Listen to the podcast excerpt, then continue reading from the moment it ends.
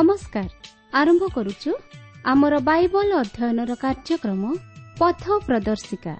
ପବିତ୍ର ବାଇବଲ କହେ କାରଣ ପାପର ବେତନ ମୃତ୍ୟୁ କିନ୍ତୁ ଈଶ୍ୱରଙ୍କ ଅନୁଗ୍ରହ ଦାନ ଆମ୍ଭମାନଙ୍କର ପ୍ରଭୁ ଖ୍ରୀଷ୍ଟ ଯୀଶୁଙ୍କ ସହଭାଗିତାରେ ଅନନ୍ତ ଜୀବନ ଅଟେ।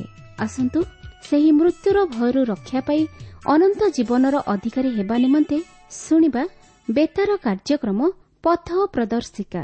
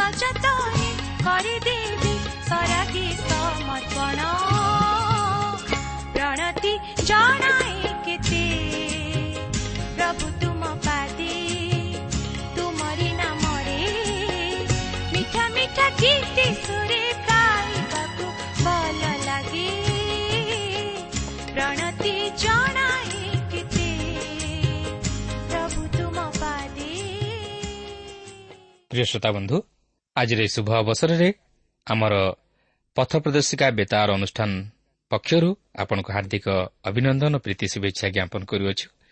ଆପଣଙ୍କର ସହଯୋଗ ତଥା ମତାମତ ନିମନ୍ତେ ବିଶେଷ ଧନ୍ୟବାଦ।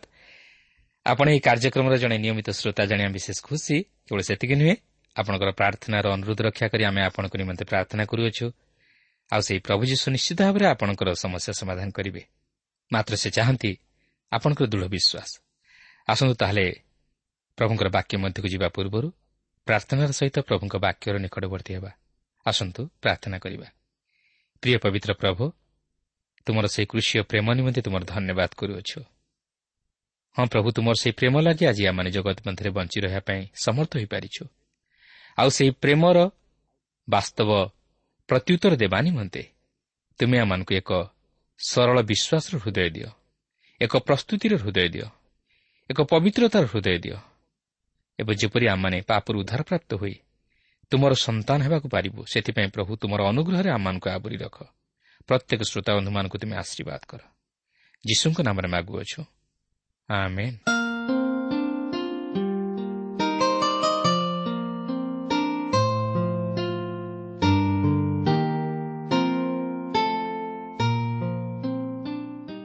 ଆସନ୍ତୁ ବର୍ତ୍ତମାନ ଆମେ ପ୍ରଭୁଙ୍କର ବାକ୍ୟ ମଧ୍ୟକୁ ଯିବା।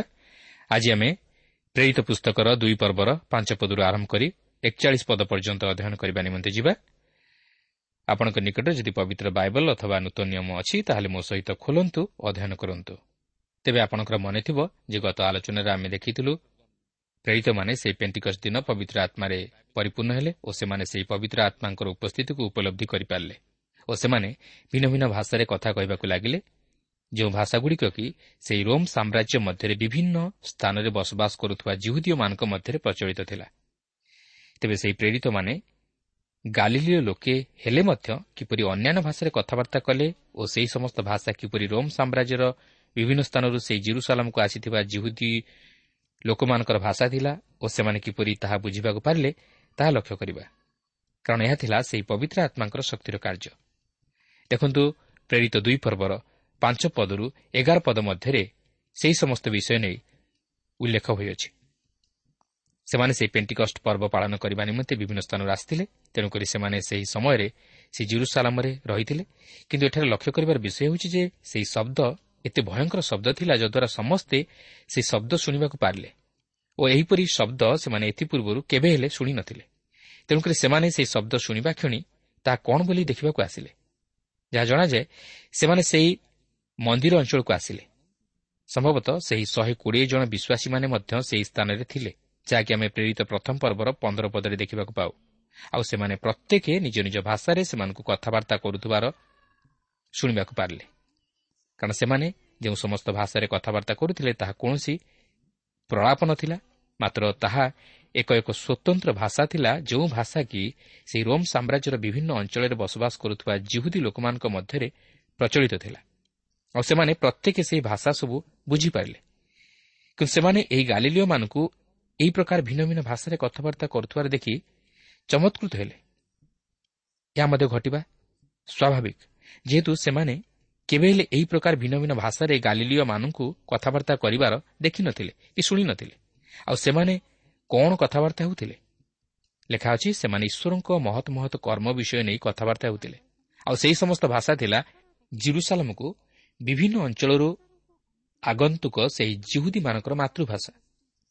ତେବେ ଏହି ପ୍ରେରିତମାନେ ଭିନ୍ନ ଭିନ୍ନ ଭାଷାରେ କଥାବାର୍ତ୍ତା କରିବାର କାରଣ କ'ଣ ଥିଲା? ଯେପରି ବିଭିନ୍ନ ଅଞ୍ଚଳରୁ ଜିରୁସାଲାମକୁ ଆସିଥିବା ଜୁହୁଦୀମାନେ ଈଶ୍ୱରଙ୍କ ମହତ ମହତ କର୍ମର କଥା ଶୁଣିବାକୁ ପାରନ୍ତି ଓ ପ୍ରେରିତମାନେ ଯେପରି ପବିତ୍ର ଆତ୍ମାଙ୍କର ଶକ୍ତିକୁ ଉପଲବ୍ଧି କରନ୍ତି ଓ ଈଶ୍ୱରଙ୍କ ପ୍ରତିଜ୍ଞା ଯେପରି ସଫଳ ହୁଏ ଓ ଅନେକଙ୍କ ନିମନ୍ତେ ଏହା ଯେପରି ସାକ୍ଷ୍ୟ ସ୍ୱରୂପ ହୁଏ ଏଥିନିମନ୍ତେ ଏହିପରି ଘଟିଲା। ଏତଦ୍ବ୍ୟତୀତ ଏହା ଥିଲା ବିଶ୍ୱାସୀମାନଙ୍କର ଚିହ୍ନ ଓ ପବିତ୍ର ଆତ୍ମାଙ୍କ ଦାନ। କିନ୍ତୁ ଦେଖନ୍ତୁ ଏହି ସମସ୍ତ ଘଟଣା ଦେଖିବା ଦ୍ୱାରା ଲୋକମାନଙ୍କ ମନର ପ୍ରତିକ୍ରିୟା ଯାହାକି ଦୁଇ ପର୍ବର ବାର ଓ ତେର ପଦରେ ଲେଖା ଅଛି। ଆଉ ସମସ୍ତେ ଆଚମ୍ବିତ ଓ ହତବୁଦ୍ଧି ହୋଇ ପରସ୍ପର କହିବାକୁ ଲାଗିଲେ ଏହାର ଅର୍ଥ କ'ଣ? କିନ୍ତୁ ଅନ୍ୟମାନେ ବିଦ୍ରୁପ କରି କହିଲେ ଏମାନେ ମିଷ୍ଟ ଦ୍ରାକ୍ଷାରସରେ ମତ ହୋଇଅଛନ୍ତି।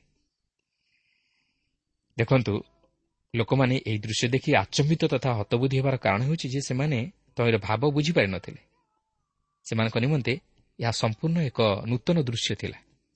ଏପରି ଘଟିବାର ସେମାନେ କେବେ ହେଲେ ଦେଖିନଥିଲେ କି ଶୁଣିନଥିଲେ ଆଉ ସେମାନେ ଭାବୁଛନ୍ତି ଯେ ଏହି ଲୋକମାନେ ବୋଧହୁଏ ମିଷ୍ଟ ଦ୍ରାକ୍ଷାରସରେ ମତ ହୋଇ ନିଶାସକ୍ତ।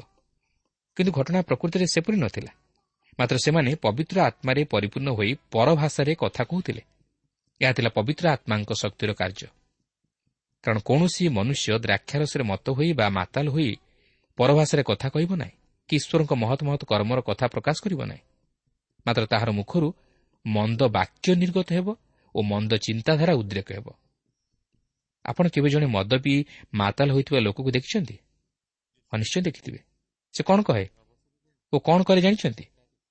ତାର କଥାବାର୍ତ୍ତା ଓ କାର୍ଯ୍ୟକଳାପରେ ସେହି ସମୟ ନିମନ୍ତେ ଏକ ଅଦ୍ଭୁତ ପରିବର୍ତ୍ତନ ପରିଲକ୍ଷିତ ହୁଏ। ସେ କ'ଣ କହୁଛି ବା କରୁଛି ତାହା ସେ ନିଜେ ଜାଣିପାରେ ନାହିଁ ଯେହେତୁ ତାହାର ହିତାହିତ୍ୟ ଜ୍ଞାନ ନଥାଏ। ସେ ଅନେକ ସମୟ ଧରି ଚିତ୍କାର କରେ ମାତ୍ର ତାହାର କଥା କେହି ବୁଝିପାରନ୍ତି ନାହିଁ କି ତାହାର କଥା ଉପରେ କେହି ଗୁରୁତ୍ୱ ଦିଅନ୍ତି ନାହିଁ। ଏପରିକି ସେ ନିଜକୁ ନିଜେ ଅତି ବଳବାନ ମନେ କରେ ମାତ୍ର ପାଉଲ ଏହିପରି କହନ୍ତି ଯାହାକି ଏପିସିଓ ପାଞ୍ଚ ପର୍ବର ଅଠର ପଦରେ ଲେଖା ଅଛି ଆଉ ଦ୍ରାକ୍ଷାରସରେ ମତ ନ ହୁଅ ସେଥିରୁ ତ ଅତ୍ୟାଚାର ଜନ୍ମେ ମାତ୍ର ଆତ୍ମାରେ ପୂର୍ଣ୍ଣ ହୋଇ ଗୀତ ସ୍ତୋତ୍ର ଓ ଆଧ୍ୟାତ୍ମିକ ସଂକୀର୍ତ୍ତନ ଦ୍ୱାରା ପରସ୍ପରକୁ ଉତ୍ସାହ ଦିଅ। ପ୍ରକୃତରେ ଆମେ ପବିତ୍ର ଆତ୍ମାରେ ପୂର୍ଣ୍ଣ ହୋଇ ଶକ୍ତିର ସହିତ ସୁଷମାଚାର ପ୍ରଚାର କରିବା ଉଚିତ। ଆମେ ମଦ ପିଇ ମାତାଲ ନ ହୋଇ ପବିତ୍ର ଆତ୍ମାରେ ପୂର୍ଣ୍ଣ ହୋଇ ମାତାଲ ହେବା ଉଚିତ। ପ୍ରଭୁ ଯୀଶୁଙ୍କ ନିମନ୍ତେ ସାକ୍ଷୀ ହେବା ଉଚିତ। ସେହି ପବିତ୍ର ଆତ୍ମାଙ୍କର ନିୟନ୍ତ୍ରଣରେ ଆମମାନେ ନିୟନ୍ତ୍ରିତ ହେବା ଉଚିତ। ତାହା ହିଁ ହେଉଛି ପ୍ରତ୍ୟେକ ଖ୍ରୀଷ୍ଟ ବିଶ୍ୱାସୀମାନଙ୍କ ନିମନ୍ତେ ଗୁରୁତ୍ୱପୂର୍ଣ୍ଣ ବିଷୟ। ଆମମାନଙ୍କର କଥାବାର୍ତ୍ତା ଓ କାର୍ଯ୍ୟକଳାପ ପବିତ୍ର ଆତ୍ମାଙ୍କର ଚାଳନା ଓ ପ୍ରେରଣା ଅନୁଯାୟୀ ହେବା ଆବଶ୍ୟକ। ପ୍ରକୃତରେ ଏହି ପେଣ୍ଟିକସ୍ ଦିନର ମହତ୍ତ୍ୱ କେତେ ଗୁରୁତ୍ୱପୂର୍ଣ୍ଣ। ଏହି ଦିନ ପବିତ୍ର ଆତ୍ମା ଖ୍ରୀଷ୍ଟ ବିଶ୍ୱାସୀ ମଣ୍ଡଳୀ ଗଠନ କରିବା ନିମନ୍ତେ ଖ୍ରୀଷ୍ଟ ବିଶ୍ୱାସୀମାନଙ୍କୁ ଆହ୍ୱାନ କଲେ ଓ ମଣ୍ଡଳୀଭୁକ୍ତ କରାଇଲେ। ଏହି ଦିନ ଖ୍ରୀଷ୍ଟୀୟ ମଣ୍ଡଳୀ ଜନ୍ମଲାଭ କଲା। କିନ୍ତୁ ଏଥିପୂର୍ବରୁ ଖ୍ରୀଷ୍ଟୀୟ ମଣ୍ଡଳୀ ନଥିଲା। ପୁରାତନ ନିୟମରେ ଯେଉଁପରି ଭାବେ ପ୍ରଥମ ଫଳ ଉତ୍ସର୍ଗ ପର୍ବର ପଚାଶ ଦିନ ପରେ ପେଣ୍ଟିକଷ୍ଟ ପର୍ବ ପାଳିତ ହେଉଥିଲା ସେହିପରି ପ୍ରଭୁ ଶ୍ରୀଖ୍ରୀଷ୍ଟଙ୍କର ମୃତ୍ୟୁରୁ ପୁନରୁଦ୍ଧିତ ହେବାର ପଚାଶ ଦିନ ପରେ ପବିତ୍ର ଆତ୍ମା ଆଗମନ କରି ଏକ ଖ୍ରୀଷ୍ଟ ବିଶ୍ୱାସୀ ମଣ୍ଡଳୀକୁ ଗଠନ କଲେ। ବର୍ତ୍ତମାନ ଲକ୍ଷ୍ୟ କରିବେ ଯେ ପିତର ଛିଡ଼ା ହୋଇ ସେହି ପରିହାସ କରି କହୁଥିବା ଲୋକମାନଙ୍କୁ ଉତ୍ତର ଦେବାକୁ ଯାଉଅଛନ୍ତି ଆଉ ଏହା ହିଁ ଥିଲା ଖ୍ରୀଷ୍ଟ ବିଶ୍ୱାସୀ ମଣ୍ଡଳୀ ଯୁଗର ପ୍ରଥମ ସମ୍ବାଦ ଯାହାକି ପିତରଙ୍କ ଦ୍ୱାରା ପ୍ରକାଶିତ ହୋଇଥିଲା। ଯାହାକି ଦୁଇ ପର୍ବର ଚଉଦ ଓ ପନ୍ଦର ପଦରେ ଲେଖା ଅଛି। କିନ୍ତୁ ପିତର ଏକାଦଶଙ୍କ ସହିତ ଠିଆ ହୋଇ ଉଚ୍ଚସ୍ୱରରେ ସେମାନଙ୍କ ନିକଟରେ ବକ୍ତୃତା କରି କହିଲେ ହେ ଜିହୁଦୀ ଲୋକେ ଓ ଜିରୁସାଲମ ନିବାସୀ ସମସ୍ତେ ଆପଣମାନେ ଏହା ଜ୍ଞାତ ହୁଅନ୍ତୁ ଓ ମୋର କଥାରେ କର୍ଣ୍ଣପାତ କରନ୍ତୁ। କାରଣ ଆପଣମାନେ ଯେପରି ମନେ କରୁଅଛନ୍ତି ଏମାନେ ସେପରି ମାତାଲ ନୁହନ୍ତି। ଯେଣୁ ବର୍ତ୍ତମାନ ସମୟ ସକାଳ ନଅ ଘଣ୍ଟା ମାତ୍ର। ବର୍ତ୍ତମାନ ଆମେ ଜାଣି ରଖିବା ଉଚିତ ଯେ ସେହି ଜନ ମଣ୍ଡଳୀ କେଉଁମାନେ ଥିଲେ? ଏମାନେ ସେହି ଜିହୁଦା ପ୍ରଦେଶର ଲୋକ ଓ ସେହି ଜିରୁସାଲାମରେ ବସବାସ କରୁଥିବା ଲୋକ। ସେହି ସମୟରେ ଜିରୁସାଲାମରେ କେବଳ ଜିହୁଦୀ ଲୋକମାନେ ବସବାସ କରୁଥିଲେ। ସେହି ଆଦ୍ୟ ମଣ୍ଡଳୀରେ ଶତକଡ଼ା ଶହେ ଭାଗ ଜିହୁଦୀ ଥିଲେ। ଏମାନେ ସେହି ଇସ୍ରାଏଲୀୟମାନଙ୍କ ବଂଶଧର ଥିଲେ। ମଣ୍ଡଳୀ ଜିରୁସାଲାମରେ ଆରମ୍ଭ ହୋଇଥିଲା ଓ ଏହାପରେ ଜିହୁଦା ପ୍ରଦେଶ ସମରିଆ ଏବଂ ଶେଷରେ ପୃଥିବୀର ପ୍ରାନ୍ତ ପର୍ଯ୍ୟନ୍ତ ବ୍ୟାପିବାକୁ ଲାଗିଲା। ଆଉ ସେହିଦିନଠାରୁ ଆଜି ପର୍ଯ୍ୟନ୍ତ ଖ୍ରୀଷ୍ଟୀୟ ମଣ୍ଡଳୀ ପୃଥିବୀର କୋଣେ କୋଣେ ବ୍ୟାପିବାରେ ଲାଗିଛି। ପୁରାତନ ନିୟମରେ ଆମେ ଦେଖୁ ଯେ ଲୋକେ ଉପାସନା କରିବା ନିମନ୍ତେ ପୃଥିବୀର ବିଭିନ୍ନ ସ୍ଥାନରୁ ଆସି ଏହି ଜିରୁସାଲମରେ ସମବେତ ହେଉଥିଲେ। କିନ୍ତୁ ବର୍ତ୍ତମାନ ଦେଖନ୍ତୁ ଯେ ସେମାନେ ଏହି ଜିରୁସାଲମରୁ ଆରମ୍ଭ କରି ସମଗ୍ର ପୃଥିବୀର ପ୍ରାନ୍ତ ପର୍ଯ୍ୟନ୍ତ ସେହି ସୁସମ୍ବାଦ ପହଞ୍ଚାଇବା ନିମନ୍ତେ ଆଦେଶ ପ୍ରାପ୍ତ ହେଉଛନ୍ତି। ଆଉ ଯାହାର ଫଳସ୍ୱରୂପେ ଆଜି ପୃଥିବୀର କୋଣେ କୋଣେ ଖ୍ରୀଷ୍ଟୀୟ ମଣ୍ଡଳୀଗୁଡ଼ିକ ଗଢ଼ି ଉଠିବାରେ ଲାଗିଛି ଓ ପ୍ରଭୁ ଯୀଶୁଙ୍କର ସେହି ସୁସମ୍ବାଦ ପ୍ରଚାରିତ ହେବାରେ ଲାଗିଛି। ଦେଖନ୍ତୁ ପିତର ସେହି ପରିହାସକାରୀମାନଙ୍କୁ ଏହିପରି କହନ୍ତି କାରଣ ଆପଣମାନେ ଯେପରି ମନେ କରୁଅଛନ୍ତି ଏମାନେ ସେପରି ମାତାଲ ନୁହନ୍ତି ଯେଣୁ ବର୍ତ୍ତମାନ ସମୟ ସକାଳ ନଅ ଘଣ୍ଟା ମାତ୍ର। ପିତର ଏପରି କହିବାର କାରଣ ହେଉଛି ଯେ ସେହି ସମୟରେ ସକାଳ ନଅ ଘଣ୍ଟା ସମୟରେ କେହି ମଦ ପିଇ ମାତାଲ ହେଉନଥିଲେ। ତେବେ ପିତର ସେମାନଙ୍କୁ ସେମାନଙ୍କର ନିଜ ଧର୍ମଶାସ୍ତ୍ରରେ ଲିଖିତ ହୋଇଥିବା କେତେକ ବିଷୟ ଆଣି ସେମାନଙ୍କ ନିକଟରେ ଉପସ୍ଥାପିତ କରନ୍ତି। ଯାହାକି ଷୋହଳ ପଦରୁ ଏକୋଇଶ ପଦ ମଧ୍ୟରେ ଲେଖା ଅଛି। କିନ୍ତୁ ଜୋଏଲ ଭାବାନୀଙ୍କ ଦ୍ୱାରା ଯାହା ଉକ୍ତ ଅଛି ଏ ସେହି ଘଟଣା। ଈଶ୍ୱର କହନ୍ତି ଶେଷ କାଳରେ ଏପରି ଘଟିବ ଯେ ଆମେ ସମସ୍ତ ମର୍ତ୍ତ୍ୟ ଉପରେ ଆପଣ ଆତ୍ମାବୃଷ୍ଟି କରିବା। ସେଥିରେ ତୁମମାନଙ୍କର ପୁତ୍ର କନ୍ୟାମାନେ ଭାବାଣୀ କହିବେ ଆଉ ତୁମମାନଙ୍କର ଯୁବାମାନେ ଦର୍ଶନ ପାଇବେ। ପୁଣି ତୁମମାନଙ୍କର ପ୍ରାଚୀନମାନେ ସ୍ୱପ୍ନ ଦେଖିବେ। ହଁ ସେହି କାଳରେ ଆମ୍ଭେ ନିଜ ଦାସଦାସୀମାନଙ୍କ ଉପରେ ଆପଣ ଆତ୍ମାବୃଷ୍ଟି କରିବା। ସେଥିରେ ସେମାନେ ଭାବବାଣୀ କହିବେ ଆମ୍ଭେ ଉର୍ଦ୍ଧ୍ୱସ୍ଥ ଆକାଶରେ ନାନା ଅଦ୍ଭୁତ କର୍ମ ପୁଣି ଅଧସ୍ଥ ପୃଥିବୀରେ ନାନା ଲକ୍ଷଣ ରକ୍ତ ଅଗ୍ନି ଓ ନିବିଡ଼ ଧୂମ ଦେଖାଇବା। ପ୍ରଭୁଙ୍କର ମହତ୍ ଓ ପ୍ରସିଦ୍ଧ ଦିନର ଆଗମନ ପୂର୍ବେ ସୂର୍ଯ୍ୟ ଅନ୍ଧକାରମୟ ଓ ଚନ୍ଦ୍ର ରକ୍ତମୟ ହୋଇଯିବ। ଆଉ ଏପରି ହେଉ ଘଟିବ ଯେ ଯେ କେହି ପ୍ରଭୁଙ୍କ ନାମରେ ପ୍ରାର୍ଥନା କରିବ ସେ ପରିତ୍ରାଣ ପାଇବ। ଦେଖନ୍ତୁ ପିତର ସେହି ପରିହାସକାରୀମାନଙ୍କୁ ଉତ୍ତର ଦେବାକୁ ଯାଇ ସେମାନଙ୍କ ନିକଟରେ ଏହି ଭାବବାଣୀଟିକୁ ଉପସ୍ଥାପିତ କରନ୍ତି। ଜୋଏଲ୍ ଭାଓବାଦୀ ଯେଉଁ ଭାବବାଣୀଟି ପ୍ରକାଶ କରିଥିଲେ ସେହି ଭାବବାଣୀଟିକୁ ସେ ଏଠାରେ ପୁନରାବୃତ୍ତି କରନ୍ତି। ସେ କହନ୍ତି ନାହିଁ ଯେ ଜୋଏଲ୍ ଭାଓବାଦୀଙ୍କ ଦ୍ୱାରା ଯାହା ଭାବବାଣୀ କରାଯାଇଥିଲା ତାହା ଏଠାରେ ସଫଳ ହେଲା ବୋଲି। ମାତ୍ର ସେ କହିବାକୁ ଚାହାନ୍ତି ତୁମମାନେ କାହିଁକି ଏ ସମସ୍ତ ବିଷୟକୁ ଏକ ଦୁଷ୍କର ତଥା ଅସମ୍ଭବ ବିଷୟ ବୋଲି ମନେ କରୁଅଛ? ଆମମାନଙ୍କର ଭାଓବାଣୀ ପ୍ରକାଶ କରେ ଯେ ଏହି ସମସ୍ତ ବିଷୟ ଏହିପରି ଭାବେ ଘଟିବାକୁ ଯାଉଅଛି ଓ ଏହା ନିଶ୍ଚିତ ଘଟିବ। ଆପଣ ଦେଖନ୍ତୁ ପେଣ୍ଟିକସ୍ ଦିନ ସୂର୍ଯ୍ୟ ଅନ୍ଧକାରମୟ ବା ଚନ୍ଦ୍ର ରକ୍ତମୟ ହୋଇନଥିଲା। ଯେତେବେଳେ ପ୍ରଭୁ ଶ୍ରୀକୃଷ୍ଣ କୃଷାର୍ପିତ ହୋଇଥିଲେ ସେତେବେଳେ ତିନି ଘଣ୍ଟା ଧରି ଅନ୍ଧକାର ହୋଇଥିଲା କିନ୍ତୁ ପେଣ୍ଟିକସ୍ ଦିନ ନୁହେଁ। କିମ୍ବା ଏହି ପେଣ୍ଟିକସ୍ ଦିନ ଉର୍ଦ୍ଧ୍ୱସ୍ଥ ଆକାଶରେ ନାନା ଅଦ୍ଭୁତ କର୍ମ ପୁଣି ଅଧସ୍ଥ ପୃଥିବୀରେ ନାନା ଲକ୍ଷଣ ଅଥବା ରକ୍ତ ଅଗ୍ନି ଓ ନିବିଡ଼ ଧୂମ ଦେଖାଯାଇ ନଥିଲା।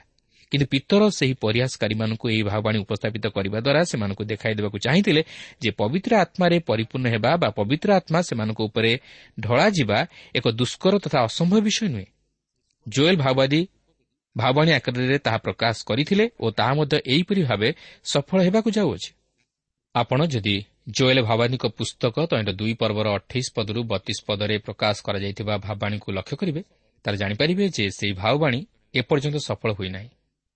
ଯଦି ଆମେ ଜୋଏଲ୍ ଭାବାନୀଙ୍କ ପୁସ୍ତକକୁ ଫେରିଯିବା ତାହେଲେ ସେଠାରେ ଜୋଏଲ୍ ପ୍ରଭୁଙ୍କର ଦିନ ବିଷୟ ନେଇ ଅନେକ କିଛି ଗୁରୁତ୍ୱପୂର୍ଣ୍ଣ ବିଷୟ ପ୍ରକାଶ କରିଅଛନ୍ତି। ଆଉ ସେହି ପ୍ରଭୁଙ୍କର ଦିନ ସେହି ଆଗାମୀ ମହାକ୍ଲେଶର ସମୟ ସହିତ ଆରମ୍ଭ ହେବ ଓ ଏହା ସେହି ଏକ ହଜାର ବର୍ଷର ଶାନ୍ତିରାଜ୍ୟ ସମୟ ପର୍ଯ୍ୟନ୍ତ ଗତି କରିବ। ଜୁଏଲ୍ ପୁସ୍ତକର ତିନୋଟି ପର୍ବରେ ପ୍ରଭୁଙ୍କର ଦିନ ପ୍ରାୟ ପାଞ୍ଚ ଥର ବ୍ୟବହାର କରାଯାଇଅଛି। ତେବେ ଜୁଏଲ୍ ଭାଓବାଦୀ ପ୍ରକାଶ କରନ୍ତି ଯେ ପୃଥିବୀରେ ଏହି ସମୟ ଏକ ଯୁଦ୍ଧର ସମୟ ଓ ବିଚାରର ସମୟ ହେବ। କିନ୍ତୁ ତାହା ଏପର୍ଯ୍ୟନ୍ତ ସଫଳ ହୋଇନାହିଁ। କିମ୍ବା ଏହା ସେହି ପେଣ୍ଟିକସ୍ ଦିନ ମଧ୍ୟ ସଫଳ ହୋଇପାରିନାହିଁ ତେବେ ପିତର ଏହି ସମସ୍ତ ବିଷୟ ଏଠାରେ ଉପସ୍ଥାପିତ କରିବାର କାରଣ ହେଉଛି ଯେ ସେହି ଲୋକମାନଙ୍କୁ ସେ କହିବାକୁ ଚାହାନ୍ତି ଦେଖ ଏହି ବିଷୟ ଘଟିବା କିଛି ଦୁଃସାଧ୍ୟ ବା ଅସମ୍ଭବ ବିଷୟ ନୁହେଁ ଦିନ ଆସୁଅଛି ଯେତେବେଳେ କି ଏହା ସଫଳ ହେବ। ଏବଂ ଆଜି ଆମେ ଯେଉଁ ଘଟଣା ଘଟିବାର ଦେଖୁଅଛୁ ତାହା ଏହି ଭାବଣୀ ଅନୁଯାୟୀ ଘଟିବାକୁ ଯାଉଥିବା ଘଟଣା ପରି ଏକ ଘଟଣା। ତେଣୁ ଏଥିରେ ଚମତ୍କୃତ ହେବା ବା ଏହି ଘଟଣାର ସମାଲୋଚନା କରିବା କିଛି ଆବଶ୍ୟକ ନାହିଁ। ବର୍ତ୍ତମାନ ଲକ୍ଷ୍ୟ କରିବେ ପିତର ତାଙ୍କ ପ୍ରଚାରର ପ୍ରାରମ୍ଭିକ ଭାଷଣ ପରେ ବିଷୟବସ୍ତୁ ଉପରକୁ ଯାଉଅଛନ୍ତି ଓ ସେ ବିଶେଷ କରି ଜୁହୁଦୀମାନଙ୍କ ସହିତ କଥାବାର୍ତ୍ତା କରୁଅଛନ୍ତି ଯେଉଁମାନେ କି ପୁରାତନ ନିୟମ ବିଷୟରେ ଜାଣିଥିଲେ। ଦେଖନ୍ତୁ ସେହି ଇସ୍ରାଏଲୀୟ ଲୋକମାନଙ୍କ ନିକଟରେ କିପରି ଖ୍ରୀଷ୍ଟଙ୍କୁ ପ୍ରଚାର କରୁଅଛନ୍ତି। ଯାହାକି ଦୁଇ ପର୍ବର ବାଇଶ ପଦରେ ଲେଖା ଅଛି। ହେ ଇସ୍ରାଏଲୀୟ ଲୋକମାନେ ଏହି ସମସ୍ତ କଥା ଶୁଣନ୍ତୁ। ନାଜରିତୀୟ ଯୀଶୁ ନାନା ଶକ୍ତିର କାର୍ଯ୍ୟ ଅଦ୍ଭୁତ କର୍ମ ଓ ଲକ୍ଷଣ ଦ୍ୱାରା ଆପଣମାନଙ୍କ ନିକଟରେ ଈଶ୍ୱରଙ୍କ ପ୍ରେରିତ ବ୍ୟକ୍ତି ବୋଲି ପ୍ରମାଣିତ ହୋଇଅଛନ୍ତି। ତାହାଙ୍କ ଦ୍ୱାରା ଈଶ୍ୱର ଯେ ଆପଣମାନଙ୍କ ମଧ୍ୟରେ ଏହି ସମସ୍ତ କର୍ମ କରିଅଛନ୍ତି ଏହା ଆପଣମାନେ ନିଜେ ନିଜେ ଜାଣନ୍ତି। ଦେଖନ୍ତୁ ଏଠାରେ ଆମେ ପିତରଙ୍କର କହିବା ଅନୁଯାୟୀ ଜାଣିବାକୁ ପାରୁଛୁ ଯେ ପ୍ରଭୁ ଯୀଶୁ ତିନୋଟି ଉପାୟରେ ନିଜକୁ ଈଶ୍ୱରଙ୍କ ପ୍ରେରିତ ବ୍ୟକ୍ତି ବୋଲି ପ୍ରମାଣିତ କରିଥିଲେ। ତେବେ ପିତର ଏହା ନିଜ ମନରୁ ନୁହେଁ ମାତ୍ର ପବିତ୍ର ଆତ୍ମାଙ୍କ ଶକ୍ତିରେ ପରିପୂର୍ଣ୍ଣ ହୋଇ କଥା କହୁଅଛନ୍ତି ଓ ସେ ସେହି ତିନୋଟି ଉପାୟ ମଧ୍ୟ ପ୍ରକାଶ କରନ୍ତି। ଆଉ ସେ କହନ୍ତି ଯୀଶୁ ନାନା ଶକ୍ତିର କାର୍ଯ୍ୟ ଅଦ୍ଭୁତ କର୍ମ ଓ ଲକ୍ଷଣ ଦ୍ୱାରା ଈଶ୍ୱରଙ୍କ ପ୍ରେରିତ ବ୍ୟକ୍ତି ବୋଲି ନିଜକୁ ପ୍ରମାଣିତ କଲେ। ତେଣୁ ଯାହା ଜଣାଯାଏ ଏହି ତିନୋଟି ଯାକ ଉପାୟର ତିନୋଟି ଭିନ୍ନ ଭିନ୍ନ ଉଦ୍ଦେଶ୍ୟ ଥିଲା। ପ୍ରଭୁ ଯୀଶୁଖ୍ରୀଷ୍ଟଙ୍କର ନାନା ଶକ୍ତିର କାର୍ଯ୍ୟ ପ୍ରମାଣିତ କରେ ଯେ ସେ କିଏ ଥିଲେ?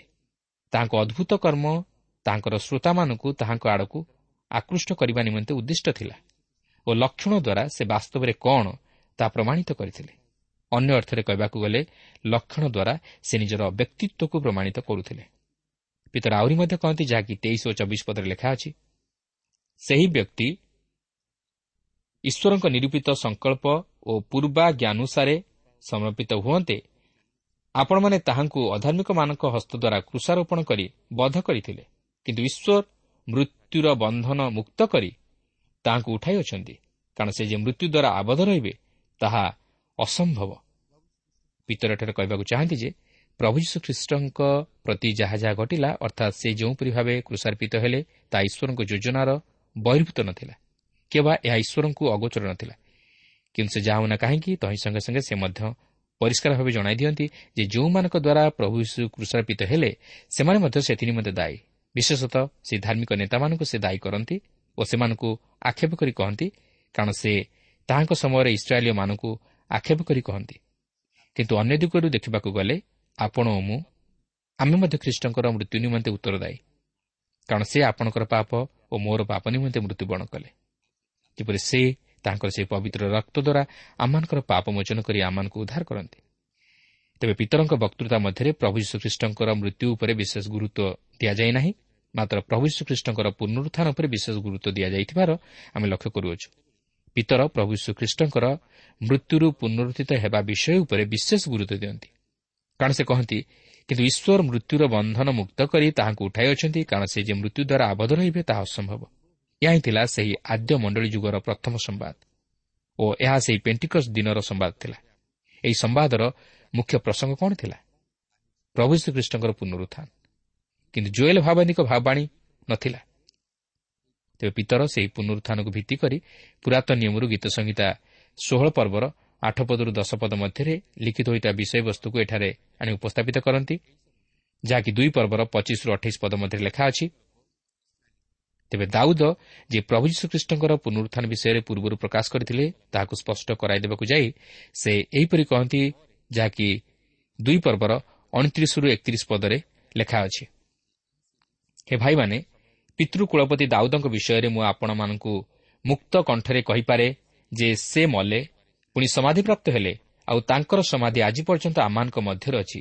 ତଥାପି ସେ ଭାଓବାଦୀ ହେବାରୁ ଏବଂ ତାଙ୍କ ଔରସଜାତ ଜଣେ ବ୍ୟକ୍ତିଙ୍କୁ ଈଶ୍ୱର ଯେ ତାଙ୍କ ସିଂହାସନରେ ବସାଇବାକୁ ତାଙ୍କ ନିକଟରେ ଶପଥ କରି ପ୍ରତିଜ୍ଞା କରିଥିଲେ ଏହା ଜାଣିବାରୁ ସେ ଭବିଷ୍ୟତ ଦର୍ଶନ ଦ୍ୱାରା ଖ୍ରୀଷ୍ଟଙ୍କର ପୁନରୁତ୍ଥାନ ବିଷୟରେ କହିଥିଲେ କାରଣ ସେ ପାତାଳରେ ପରିତ୍ୟକ୍ତ ହେଲା ନାହିଁ କିମ୍ବା ତାହାଙ୍କ ଶରୀର କ୍ଷୟ ପାଇଲା ନାହିଁ। ଏହା ହିଁ ହେଉଛି ଯାହାକି ଦାଉଦ ଗୀତ ସଂହିତା ଷୋହଳ ପର୍ବରେ ପ୍ରକାଶ କରିଅଛନ୍ତି। ସେ ପ୍ରଭୁ ଶ୍ରୀଖ୍ରୀଷ୍ଟଙ୍କର ପୁନରୁତ୍ଥାନ ବିଷୟ ନେଇ ପ୍ରକାଶ କରିଅଛନ୍ତି। ଆପଣ ବୋଧହୁଏ କହିପାରନ୍ତି ଯେ ଗୀତ ସଂହିତା ଷୋହଳ ପର୍ବରେ ପ୍ରଭୁ ଯୀଶୁ ଖ୍ରୀଷ୍ଟଙ୍କର ପୁନରୁତ୍ଥାନ ବିଷୟ ନେଇ ପ୍ରକାଶ କରାଯାଇଅଛି ବୋଲି ସ୍ପଷ୍ଟ ବୁଝାପଡ଼ୁନାହିଁ। କିନ୍ତୁ ପ୍ରିୟ ବନ୍ଧୁ ଏହି ପ୍ରେରିତ ଦୁଇ ପର୍ବରେ ଆମେ ସେହି ଗୀତ ସଂହିତା ଷୋହଳ ପର୍ବର ବିଷୟବସ୍ତୁ ପବିତ୍ର ଆତ୍ମାଙ୍କର ତର୍ଜମା ଦ୍ୱାରା ସ୍ପଷ୍ଟ ଭାବେ ଜାଣିବାକୁ ପାରୁ ଯେ ଗୀତ ସଂହିତା ଷୋହଳ ପର୍ବରେ ଭକ୍ତ ଦାଉଦ ପ୍ରଭୁ ଯୀଶୁଖ୍ରୀଷ୍ଟଙ୍କର ପୁନରୁତ୍ଥାନ ବିଷୟ ନେଇ ପ୍ରକାଶ କରିଅଛନ୍ତି। କାରଣ ପବିତ୍ର ଆତ୍ମା ପିତରଙ୍କ ମୁଖ ଦ୍ୱାରା ତହିଁର ଭାବ ଆମମାନଙ୍କ ନିକଟରେ ସ୍ପଷ୍ଟ କରିଦିଅନ୍ତି। ସେଦିନର ସେହି ଆଦ୍ୟ ମଣ୍ଡଳୀର ପ୍ରଥମ ସମ୍ବାଦ ଥିଲା ପ୍ରଭୁ ଶ୍ରୀଖ୍ରୀଷ୍ଟଙ୍କର ପୁନରୁତ୍ଥାନର ସମ୍ବାଦ। ପିତର ପବିତ୍ର ଆତ୍ମାରେ ପରିପୂର୍ଣ୍ଣ ହୋଇ ପୁନରୁତ୍ଥାନର ସମ୍ବାଦ ପରିବେଷଣ କରିଥିଲେ ଓ ଏହି ପୁନରୁତ୍ଥାନର ସମ୍ବାଦ ପ୍ରତ୍ୟେକ ବକ୍ତୃତା ମଧ୍ୟରେ ସ୍ଥାନ ପାଇଥିଲା। ଏହାପରେ ଦୁଇ ପର୍ବର ବତିଶ ପଦରେ ଏପରି ଲେଖା ଅଛି ଏହି ଯୀଶୁଙ୍କୁ ଈଶ୍ୱର ଉଠାଇ ଅଛନ୍ତି ସେ ବିଷୟରେ ଆମମାନେ ସମସ୍ତେ ସାକ୍ଷୀ। ଦେଖନ୍ତୁ ଖ୍ରୀଷ୍ଟଙ୍କର ପୁନରୁତ୍ଥାନ ବିଷୟ ନେଇ ସେ କେବଳ ପବିତ୍ର ଧର୍ମଶାସ୍ତ୍ରରୁ ପ୍ରମାଣ ଦିଅନ୍ତି ନାହିଁ। ମାତ୍ର ସେ ନିଜେ ଓ ସେଠାରେ ଉପସ୍ଥିତ ହୋଇଥିବା ଜନତା ଯେ ସାକ୍ଷୀ ତାହା ମଧ୍ୟ ପ୍ରକାଶ କରନ୍ତି। କାରଣ ପିତର କହନ୍ତି ଯୀଶୁଙ୍କୁ ଈଶ୍ୱର ଯେ ଉଠାଇ ଅଛନ୍ତି ସେ ବିଷୟରେ ଆମମାନେ ସମସ୍ତେ ସାକ୍ଷୀ। ତେବେ ପିତର କାହିଁକି କହିଲେ ଯେ ଆମମାନେ ସମସ୍ତେ ସାକ୍ଷୀ? ତାହା ହେଉଛି ଯେ ସେମାନେ ସମସ୍ତେ ଗାଲିଲିଓମାନଙ୍କୁ ସେମାନଙ୍କର ନିଜ ନିଜ ମାତୃଭାଷାରେ କଥାବାର୍ତ୍ତା କରିବାର ଆଶ୍ଚର୍ଯ୍ୟଜନକ ବିଷୟ ଶୁଣିଥିଲେ ଓ ଦେଖିଥିଲେ। ଓ ଏହିପରି ଘଟିବାର କାରଣ ହେଉଛି ଯେ ପ୍ରଭୁ ଯୀଶୁ ମୃତ୍ୟୁରୁ ପୁନରୁଦ୍ଧିତ ହୋଇଥିଲେ ଓ ସ୍ୱର୍ଗାରୋହଣ କରିଥିଲେ। ଓ ସେ ଯେଉଁ ପ୍ରତିଜ୍ଞା କରିଥିଲେ ସେହି ପ୍ରତିଜ୍ଞା ଅନୁଯାୟୀ ଶିଷ୍ୟମାନେ ପବିତ୍ର ଆତ୍ମାରେ ପରିପୂର୍ଣ୍ଣ ହେବା ଦ୍ୱାରା ଏହିପରି ଘଟଣା ଘଟିଥିଲା। ତାହା ଯେ ସମସ୍ତେ ଦେଖିଛନ୍ତି ଓ ପୁନରୁତ୍ଥାନର ସାକ୍ଷୀ ହୋଇଅଛନ୍ତି ତାହା ପିତର ପ୍ରକାଶ କରନ୍ତି। ତେଣୁକରି ସେ ଏହିପରି କହନ୍ତି ଯାହାକି ତେତିଶ ପଦରେ ଲେଖା ଅଛି। ଅତଏବ ସେ ଈଶ୍ୱରଙ୍କ ଦକ୍ଷିଣ ହସ୍ତ ଦ୍ୱାରା ଉନ୍ନତ ଓ ପିତାଙ୍କଠାରୁ ପ୍ରତିଜ୍ଞାତ ପବିତ୍ର ଆତ୍ମା ପ୍ରାପ୍ତ ହୋଇ ଏହି ଯାହା ଆପଣମାନେ ଦେଖୁଅଛନ୍ତି ଓ ଶୁଣୁଅଛନ୍ତି ତାହା ସେ ବୃଷ୍ଟି କରିଅଛନ୍ତି। ପ୍ରଭୁ ଯୀଶୁ ଯେ ସେହି ପବିତ୍ର ଆତ୍ମାକୁ ବୃଷ୍ଟି କରାଇଛନ୍ତି ତାହା ପିତର ଏଠାରେ ସ୍ପଷ୍ଟ ଭାବେ ପ୍ରକାଶ କରନ୍ତି। ତେବେ ପ୍ରଭୁ ଯୀଶୁ କିପରି ଈଶ୍ୱରଙ୍କ ଦକ୍ଷିଣ ହସ୍ତ ଦ୍ୱାରା ଉନ୍ନତ ଓ ପିତାଙ୍କଠାରୁ ପ୍ରତିଜ୍ଞାତ ପବିତ୍ର ଆତ୍ମା ପ୍ରାପ୍ତ ହୋଇ ପିତା ଈଶ୍ୱରଙ୍କ ସିଂହାସନର ଦକ୍ଷିଣ ପାର୍ଶ୍ୱରେ ଉପବେଶନ କରିଅଛନ୍ତି ତାହାକୁ ପ୍ରମାଣିତ କରିବାକୁ ଯାଇ ସେ ପୁନର୍ବାର ପୁରାତନ ନିୟମର ଗୀତ ସଂହିତା ଶହେ ଦଶ ପର୍ବର ପ୍ରଥମ ପଦଟିକୁ ଏଠାରେ ଉପସ୍ଥାପିତ କରନ୍ତି ଯେଉଁଠାରେ ଭକ୍ତ ଦାଉଦ ସେହି ବିଷୟ ନେଇ ପୂର୍ବରୁ ଭାବଣୀ ଆକାରରେ ପ୍ରକାଶ କରିଥିଲେ ଯାହାକି ଏହି ଦୁଇ ପର୍ବର ଚଉତିରିଶ ଓ ପଞ୍ଚତିରିଶ ପଦରେ ଲେଖା ଅଛି। ତେବେ ଏହା ପିତରଙ୍କର ମନଗଢ଼ା କଥା ନଥିଲା ମାତ୍ର ସେ ପବିତ୍ର ଆତ୍ମାରେ ପୂର୍ଣ୍ଣ ହୋଇ ଆତ୍ମା ତାହାଙ୍କୁ ଯେପରି କହିବାକୁ ଚାଳନା ଦେଉଥିଲେ ସେ ସେହିପରି କହୁଥିଲେ। ତେଣୁକରି ଆମେ ଜାଣି ରଖିବାକୁ ହେବ ଯେ ଗୀତ ସଂହିତା ଶହେ ଦଶ ପର୍ବର ପ୍ରଥମ ପଦରେ ଭକ୍ତ ଦାଉଦ ଯେଉଁ ବିଷୟ ପ୍ରକାଶ କରିଥିଲେ ତାହା ପବିତ୍ର ଆତ୍ମାରେ ଚାଳିତ ହୋଇ ପ୍ରକାଶ କରିଥିଲେ ଓ ତାହା ଯେ ଖ୍ରୀଷ୍ଟଙ୍କର ସ୍ୱର୍ଗାରୋହଣ କରିବାରେ ସଫଳ ହୋଇଅଛି ତାହା ପବିତ୍ର ଆତ୍ମା ପିତରଙ୍କ ମୁଖ ଦ୍ୱାରା ତହିଁର ଭାଷାନ୍ତର କରି ବୁଝାଇ ଦିଅନ୍ତି। ପିତର ଏଠାରେ କହିବାକୁ ଚାହାନ୍ତି ଯେ ସେହି ପ୍ରଭୁ ଯୀଶୁଖ୍ରୀଷ୍ଟ ମୃତ୍ୟୁରୁ ପୁନରୁଦ୍ଧିତ ହୋଇ ସ୍ୱର୍ଗାରୋହଣ କରି ପିତା ଈଶ୍ୱରଙ୍କ ଦକ୍ଷିଣ ପାର୍ଶ୍ୱରେ ଉପବେଶନ କରିଅଛନ୍ତି ଓ ସେ ଯେପର୍ଯ୍ୟନ୍ତ ଏହି ଜଗତକୁ ପୁନର୍ବାର ଆଗମନ କରି ତାହାଙ୍କର ରାଜ୍ୟ ପ୍ରତିଷ୍ଠା କରିନାହାନ୍ତି ସେ ପର୍ଯ୍ୟନ୍ତ ସେ ସେହିଠାରେ ହିଁ ରହିବେ। ମାତ୍ର ସେ ସେହି ସ୍ଥାନରେ ରହି ବର୍ତ୍ତମାନ ମଧ୍ୟ ଏହି ଜଗତରେ ତାହାଙ୍କର କାର୍ଯ୍ୟ ସାଧନ କରୁଅଛନ୍ତି। ସେ ପବିତ୍ର ଆତ୍ମାଙ୍କୁ ଏହି ଜଗତକୁ ପଠାଇ ତାହାଙ୍କର ବିଶ୍ୱାସୀମାନଙ୍କ ଦ୍ୱାରା ତାହାଙ୍କର କାର୍ଯ୍ୟ ବର୍ତ୍ତମାନ ସାଧନ କରୁଅଛନ୍ତି। ପିତର ବର୍ତ୍ତମାନ ପୁନର୍ବାର ସେହି ଇସ୍ରାଏଲୀୟମାନଙ୍କୁ ପ୍ରଭୁ ଯୀଶୁଙ୍କର ପୁନରୁତ୍ଥାନ କରିବା ବିଷୟ ନେଇ ନିଶ୍ଚିତ କରାଇଦେବାକୁ ଯାଉଅଛନ୍ତି ଯାହାକି ଛତିଶ ପଦରେ ଲେଖା ଅଛି। ଅତଏବ ସମସ୍ତ ଇସ୍ରାଏଲ୍ କୂଳ ନିଶ୍ଚୟ ଜାଣନ୍ତୁ ଯେ ଯେଉଁ ଯୀଶୁଙ୍କୁ ଆପଣମାନେ କୃଷରେ ବଧ କଲେ ତାହାଙ୍କୁ ଈଶ୍ୱର ପ୍ରଭୁ ଓ ଖ୍ରୀଷ୍ଟ ଉଭୟ ପଦରେ ନିଯୁକ୍ତ କରିଅଛନ୍ତି। ପିତରଠାରେ ପ୍ରଭୁ ଯୀଶୁଖ୍ରୀଷ୍ଟଙ୍କର ପୁନରୁତ୍ଥାନ ବିଷୟ ନେଇ ପ୍ରଚାର କରୁଅଛନ୍ତି। ଆଉ ସେ କହନ୍ତି ଯେ ଖ୍ରୀଷ୍ଟ ସେମାନଙ୍କର ପାପ ନିମନ୍ତେ ମୃତ୍ୟୁଭୋଗ କଲେ କିନ୍ତୁ ସେ ପୁନର୍ବାର ମୃତ୍ୟୁରୁ ପୁନରୁତ୍ଥିତ ହେଲେ। କିନ୍ତୁ ପିତରଙ୍କର ଏହି ପ୍ରଚାରରେ ସେମାନଙ୍କର ହୃଦୟ ପରିବର୍ତ୍ତିତ ହୋଇଗଲା ଯାହାକି ଆମେ ଏହାର ପରବର୍ତ୍ତୀ ଅଂଶରେ ଦେଖିବାକୁ ପାଉ। ଯାହାକି ସଇଁତିରିଶରୁ ଏକଚାଳିଶ ପଦରେ ଲେଖା ଅଛି। ପିତରଙ୍କ ସମ୍ବାଦ ସେହି ଲୋକମାନଙ୍କ ନିମନ୍ତେ ଥିଲା ଯେଉଁମାନେ କି ଈଶ୍ୱରଙ୍କ ବାକ୍ୟ ଶୁଣିଥିଲେ ଓ ଈଶ୍ୱରଙ୍କ ବାକ୍ୟ ସେମାନଙ୍କ ନିକଟରେ ଥିଲା ଓ ସେମାନେ ଭାବବାଣୀଗୁଡ଼ିକ ମଧ୍ୟ ଜାଣିଥିଲେ। କିନ୍ତୁ ସେମାନେ ଈଶ୍ୱରଙ୍କୁ ଛାଡ଼ି ସ୍ୱଇଚ୍ଛାରେ କାର୍ଯ୍ୟ କରୁଥିଲେ ଓ ଈଶ୍ୱରଙ୍କଠାରୁ ଦୂରବର୍ତ୍ତୀ ଜୀବନଯାପନ କରୁଥିଲେ। ଈଶ୍ୱରଙ୍କ ଆଜ୍ଞା ଅନୁଯାୟୀ ଜୀବନଯାପନ ନ କରି ତହିଁର ବିପରୀତ କାର୍ଯ୍ୟ କରୁଥିଲେ। ତେଣୁକରି ପିତର ସେମାନଙ୍କୁ କହନ୍ତି ଆପଣମାନେ ମନ ପରିବର୍ତ୍ତନ କରନ୍ତୁ। କାରଣ ସେମାନେ ସେହି ପଥରୁ ଫେରି ଈଶ୍ୱରଙ୍କ ଆଡ଼କୁ ଅଗ୍ରସର ହେବାକୁ ଥିଲା। ପିତର ସେମାନଙ୍କୁ ଆହୁରି ମଧ୍ୟ କହନ୍ତି ମନ ପରିବର୍ତ୍ତନ କରନ୍ତୁ ଓ ବାପ୍ତିଜିତ ହୁଅନ୍ତୁ। ଅର୍ଥାତ୍ ଯୀଶୁଖ୍ରୀଷ୍ଟଙ୍କ ନାମରେ ବାପ୍ତିଜିତ ହେଉନ୍ତୁ। ତେବେ ଏହି ବାପ୍ତିଷ୍ମ ନେବାର କାରଣ ହେଉଛି ଯେ ସେମାନେ ଯେ ମନ ପରିବର୍ତ୍ତନ କରିଅଛନ୍ତି ଓ ଖ୍ରୀଷ୍ଟଙ୍କର ନିକଟବର୍ତ୍ତୀ ହୋଇ ପାପକ୍ଷମା ନିମନ୍ତେ ତାହାଙ୍କଠାରେ ବିଶ୍ୱାସ ସ୍ଥାପନ କରିଅଛନ୍ତି ଏହା ଯେପରି ପ୍ରମାଣିତ ହୁଏ ଓ ସୁସ୍ପଷ୍ଟ ହୁଏ। ଏତଦ୍ୱାରା ସୁସ୍ପଷ୍ଟ ହୁଏ ଯେ ଆପଣ ଆପଣଙ୍କର ପାପକ୍ଷମା ନିମନ୍ତେ ଉତ୍ସର୍ଗ ହେବାକୁ ଥିବା ବଳିଦାନ ମନ୍ଦିରକୁ ନ ଆଣି ଖ୍ରୀଷ୍ଟଙ୍କର ନିକଟବର୍ତ୍ତୀ ହୋଇ ଖ୍ରୀଷ୍ଟଙ୍କଠାରେ ବିଶ୍ୱାସ କରିଅଛନ୍ତି। ଦେଖନ୍ତୁ ସେମାନଙ୍କର ବାପ୍ତିଷ୍ମ ଗ୍ରହଣ ଏହି ସାକ୍ଷ୍ୟ ବହନ କରିଥିଲା ଯେ ପ୍ରଭୁ ଯୀଶୁଖ୍ରୀଷ୍ଟ ହେଉଛନ୍ତି ଈଶ୍ୱରଙ୍କ ମେଷ ଶାବକ ଯିଏକି ଜଗତର ପାପ ଭାର ବହି ନେଇ ଯାଆନ୍ତି। ପିତର ଆହୁରି ମଧ୍ୟ କହନ୍ତି ତାହେଲେ ଆପଣମାନେ ପବିତ୍ର ଆତ୍ମାଙ୍କର ଦାନ ପ୍ରାପ୍ତ ହେବେ। ଅର୍ଥାତ୍ ପିତର କହିବାକୁ ଚାହାନ୍ତି ଯଦି ଆପଣମାନେ ସେହି ପ୍ରଭୁ ଯୀଶୁଖ୍ରୀଷ୍ଟଙ୍କର ନିକଟବର୍ତ୍ତୀ ହୋଇ ତାହାଙ୍କଠାରେ ବିଶ୍ୱାସ କରି ନିଜର ପାପକ୍ଷମା ନିମନ୍ତେ ଯୀଶୁଖ୍ରୀଷ୍ଟଙ୍କ ନାମରେ ବାପ୍ତିସ୍ତ ହୁଅନ୍ତି ତାହେଲେ ଆପଣମାନେ ପବିତ୍ର ଆତ୍ମାଙ୍କର ଦାନ ପ୍ରାପ୍ତ ହେବେ।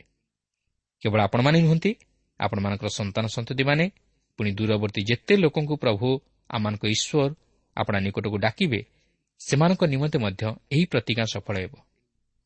କିନ୍ତୁ ସେ ସେମାନଙ୍କୁ ଗୋଟିଏ ଉପଦେଶ ଦିଅନ୍ତି ତାହା ହେଉଛି ଏହି କୁଟିଳ ବଂଶଠାରୁ ଆପଣମାନେ ରକ୍ଷାପ୍ରାପ୍ତ ହୁଅନ୍ତୁ। ଅନ୍ୟ ଅର୍ଥରେ କହିବାକୁ ଗଲେ ପିତର କହନ୍ତି ଯେଉଁମାନେ ଈଶ୍ୱରଙ୍କଠାରୁ ଦୂରବର୍ତ୍ତୀ ଜୀବନଯାପନ କରି ଖ୍ରୀଷ୍ଟଙ୍କୁ ଅଗ୍ରାହ୍ୟ କରନ୍ତି ସେମାନଙ୍କଠାରୁ ଆପଣମାନେ ଦୂରେଇ ରୁହନ୍ତୁ। ଆପଣ ଦେଖନ୍ତୁ ସେହିଦିନ ଅର୍ଥାତ୍ ସେହି ପେଣ୍ଟିକସ୍ ଦିନ ପିତରଙ୍କର ପ୍ରଚାର ଦ୍ୱାରା ପ୍ରାୟ ତିନି ହଜାର ଲୋକ ବା ଆମେ କହିପାରିବା ବାସ୍ତବ ଖ୍ରୀଷ୍ଟ ବିଶ୍ୱାସୀ ମଣ୍ଡଳୀ ସହିତ ସଂଯୁକ୍ତ ହେଲେ। ଓ ଏହି ଦିନ ଖ୍ରୀଷ୍ଟୀୟ ମଣ୍ଡଳୀ ପ୍ରତିଷ୍ଠିତ ହେଲା ଓ ସ୍ଥିତିମାନେ ପରିଣତ ହେଲା। ପ୍ରଭୁ ପ୍ରତ୍ୟେକଙ୍କୁ ଏହି ସଂକ୍ଷିପ୍ତ ଆଲୋଚନା ମଧ୍ୟ ଦେଇ ଆଶୀର୍ବାଦ କରନ୍ତୁ।